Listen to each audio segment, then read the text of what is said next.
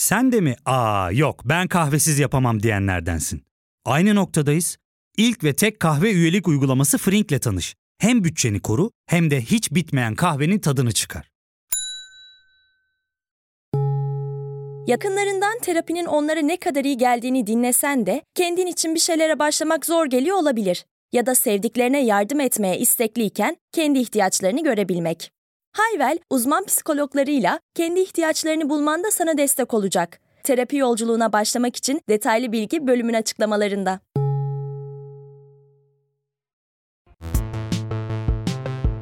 Oyunlar falanlar bir şeyler yani Doom, Mouse, Dark Souls, Anakart, Sims Mims yani anladınız işte genel olarak oyunlar.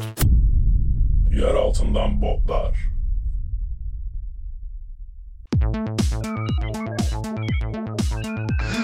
Nedir kompüter?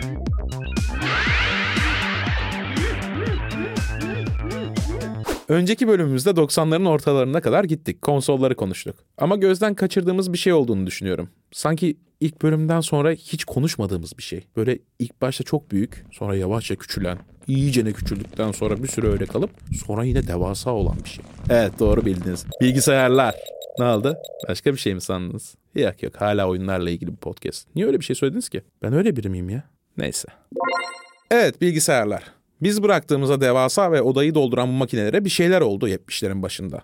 Gelin bugün hep beraber bilgisayarların oyun sahnesine mütevazi girişlerine ve kademeli olarak oyun sahnesini ele geçirişlerine bakalım. Hikayemiz bilgisayarların hikayesi evet ama bilgisayarların hikayesi de işlemcilerin hikayesiyle iç içe girmiş bir şekilde. O yüzden bol bol ikisinden de bahsedeceğiz. Şimdi yıl 1971.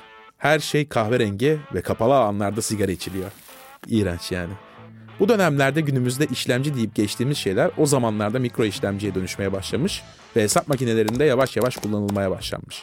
O sıralarda insanlar düşünmeye başlamış tabii. Ya demişler bunun aynısını daha küçük çaplı bir bilgisayar yapmak için de kullanabilir miyiz diye. İyi fikir. Bayağı iyi fikir hem de. Kim bu ya? Ne güzel fikirleri var böyle. Bakayım. Gaz Roach. Aferin zeki adammışsın Gaz. Nerede çalışıyorsun sen? Abi ayıptır söylemesi nasıl ayıp lan? NASA mı? Helal. Hakikaten zeki adammışsın ha. Neyse. Bu gaz çıkıyor 68'de NASA'dan. Computer Terminal Corporation diye bir yer kuruyor. Kısaca CTC. Diyor ki ben bir bilgisayar yapacağım. O bilgisayarda komple bir masaya sığacak. Ne öyle ev kadar şeylerle mi uğraşacağız diyor. Uğraşıyor sonra dizaynını yapıyor her şey tamam. Ama bir şeye ihtiyacı var. O sıralarda hesap makinelerinde benzerleri kullanılan ama onlardan daha güçlü bir 8 bitlik bir mikro işlemci. Ama Gaz zeki adam. Hemen planındaki sıkıntıyı fark ediyor. Öyle bir şey yok. Yani üretilmemiş. Satılmıyor da. Dedim size herif dahi NASA'da çalışıyor. Gus o sırada hesap makineleri için benzer logic çipleri yapan Texas Instruments diye bir yerle konuşuyor. Yapar mısınız böyle bir şey diye. Texas Instruments da bir deneyelim diyor. Deniyorlar ama olmuyor. Sonra Gus gidiyor o sırada memori çipleri yapan ufak bir şirkete. Diyor ki siz bunu yapabilir misiniz? Bu ufak şirket de diyor ki ya yapılır tabii de ne gereği var böyle şeylerin boş işler bunlar. Niye böyle diyor bu vizyonsuz şirket sevgili dinleyici? Çünkü hesap makineleri için memori çipi üretmek daha karlı o dönemde. Vizyonsuz değiller yani küçük şirketler. Şimdi önem sırasını değiştirirse çok para kazanamayacak şirket. O yüzden de korkuyorlar. Sonra Gaz anlatıyor bu şirkete bilgisayarların nasıl böyle dünyayı değiştireceğini, bu çipi yapmaları gerektiğini falan. Onlar da diyor ki tamam lan Gaz ikna olduk. Yapacağız bu işi. Aferin küçük şirket. Kim ya bu küçük şirket kim? Intel. Intel. Intel. Intel bu şirketin adı da. Şimdi siz bilmeyebilirsiniz normal olarak. O dönemin küçük şirketlerinden biri. Intel başarılı bir üretim süreci geçiriyor fakat doğal olarak gecikmeler yaşanıyor. CTC de ürün daha fazla gecikmesin diye tek mikro işlemci fikrinden vazgeçip çoklu çip fikrine kayıyor. Ve DataPoint 2200'ü çıkarıyor. Ama Intel kafayı takıyor bu tek işlemci fikrine. Bir yıl daha uğraşıyor. Sonuç olarak 8 bitlik mikro işlemci olan Intel 8008 ortaya çıkıyor. Intel çalışmaya devam edip bu çiplerin üstüne 16 bitlik sağlam bir işlemci olan Intel 8080 çıkartıyor. Daha önce Intel'in memori çiplerini kullanan MITS diye bir şirket de o çipin üstüne atlayıp kendi bilgisayarını çıkarmak istiyor. Ama çipin fiyatı çok pahalı. Tanesi 350 dolar. Adamlar doğal olarak diyor ki Intel'e böyle olmaz. Bak biz daha önce senden alışveriş yaptık hep. Toptan alacağız hem yani kıralım bu fiyatı biraz diyorlar. Intel'de tam bir bakkal gibi tamam o zaman diyor. Tanesi 75 dolardan vereyim abime diyor. Böylelikle ilk gerçek kişisel bilgisayar yani personal computer ya da PC dediğimiz Altair 8800 üretiliyor. Bu arada iğrendim bu bilgisayar şirketlerinden sevgili dinleyici bu süreçte. Ne biçim pazarlık yapıyorlar hakikaten ya. İnsan NASA, PC, mikro işlemci falan deyince teknolojik şeylerle uğraşan zeki insanlar zannediyor da eğer toptancı gibi adamlarmış bunlar. Binlerce ortaklı büyük sermaye grupları, robotlar, kompütürler. Nerede kalmıştık? Bilgisayarlar, işlemciler ayağımıza...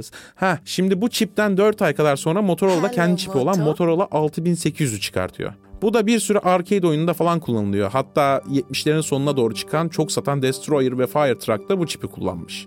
Motorola büyük şirket ve çiplerine güveniyor doğal olarak. Zaten satmaya da başlamış çipleri. Ama iç anlaşmazlıklardan ötürü Motorola çip üzerinde çalışan dizayn ekibini kaybediyor. Kaybediyor derken kovuyor.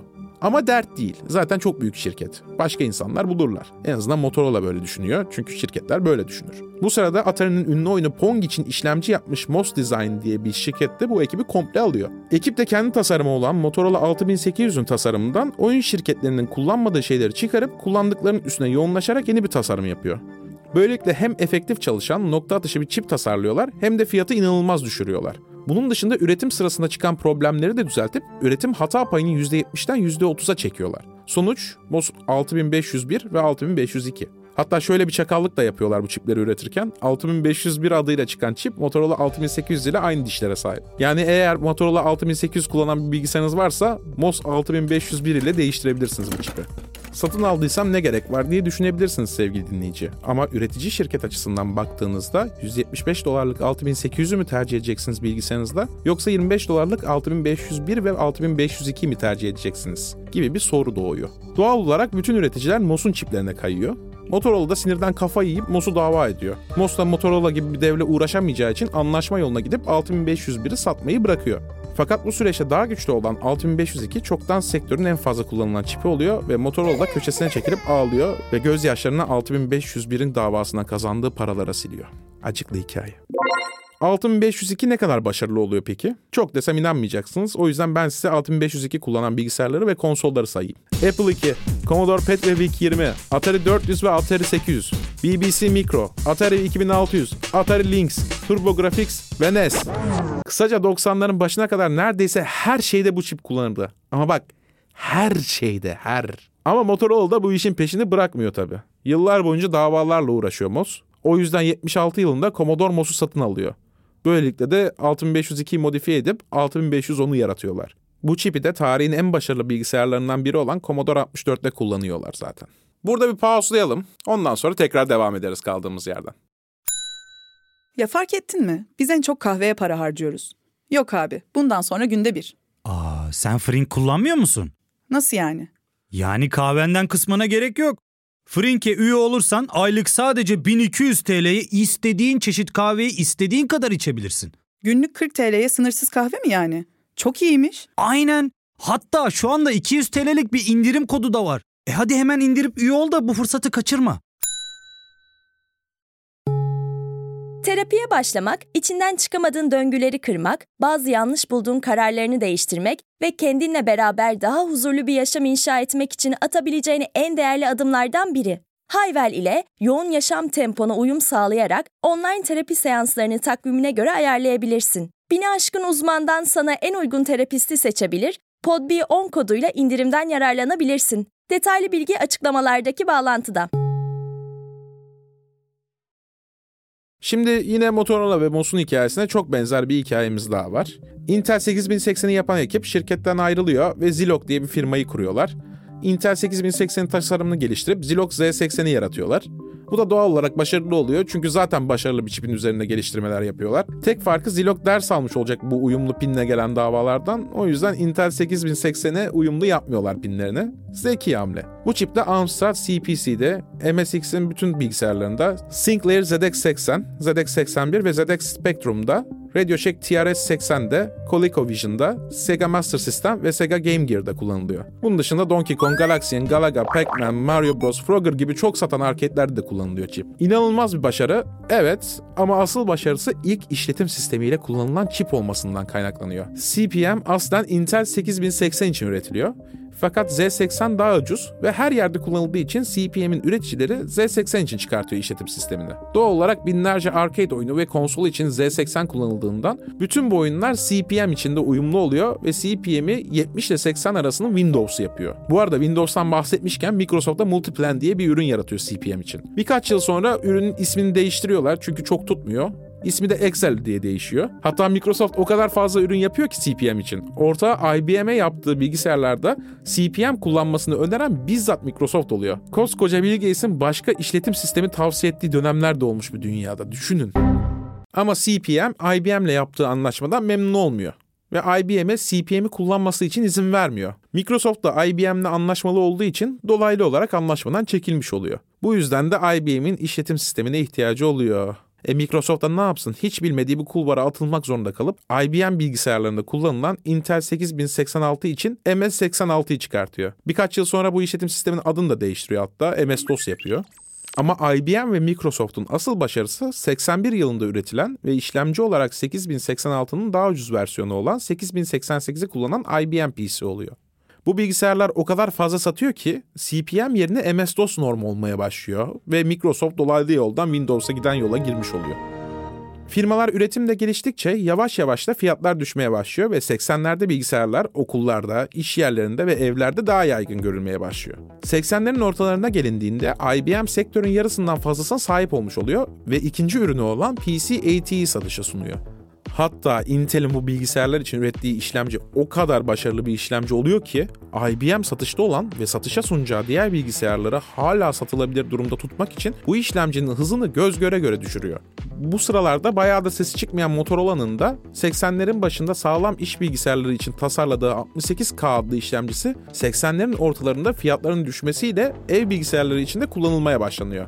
Ve böylelikle de 32 bit bilgisayarlar ortaya çıkmaya başlıyor. Motorola 68K hem Commodore Amiga'da hem Atari ST'de hem de Apple Macintosh'ta kullanılıyor ve bilgisayar oyunları diye yeni bir dünya ortaya çıkıyor. Doğal olarak 80'lerin sonuna gelirken IBM'in bilgisayar sektöründeki kontrolü yok olmaya başlıyor. Apple Macintosh bu arada yazılımları ve oyunlarıyla sektörün en güçlü kişisel bilgisayarları oluyor ve 90'ların başında Atari ve Commodore'a bayağı problem yaşatmaya başlıyor. Bu sırada Intel yeni çipi olan 80468'i satışa sunuyor ve PC yavaş yavaş Apple bilgisayarlarının satışını yenmeye başlıyor. Bu arada bu ne biçim isimler abi? 80468 ne ya? Ryzen desene şuna. Ryzen 5, Ryzen 2 falan. Ne biçim isim bu? Şimdi burada bir nokta koyalım çünkü 90'larda anlatılacak çok fazla şey var. Hepsini de tek seferde anlatmak imkansız. Bu noktaya kadar adım adım ilerleyen PC sektörü hem grafik gelişimleri hem CD'lerin ortaya çıkışı hem de Windows'un yaygın kullanılmaya başlamasıyla bambaşka seviyelerde ilerlemeye başlıyor. Hem size gelecek sefere sözüm olsun Bill Gates'in Doom reklamı yapmasını da anlatırım elinde pompalı tüfekle. Evet inanması güç ama böyle bir şey gerçekten de var. Bill Gates sen de yargılanacaksın. Bak bak oyunlardan bahsedince aklıma ne geldi? FIFA, monitör, jeton, lol. Başka da bir şey gelmedi galiba. Tamam o zaman şey yapalım ben biraz daha düşüneyim. Bir dahaki bölümde görüşürüz. Siz de düşünün. Olmadı orada şey yaparız karşılaştırırız. Yer altından botlar. İlk ve tek kahve üyelik uygulaması Frink, 46 ildeki 500'den fazla noktada seni bekliyor. Açıklamadaki kodu girerek sana özel 200 TL'lik indirimden faydalanmayı unutma. Hadi sen de Frink üyeliğini başlat, kahven hiç bitmesin. Hem bugününe hem yarınına katacaklarıyla terapi yolculuğuna ve daha iyi hissetmeye bugün Hayvel ile başla. Açıklamadaki linkten Hayvel'i indir, ücretsiz tanışma görüşmelerinin ardından bütçene uygun seans paketini seç ve terapi yolculuğuna başla.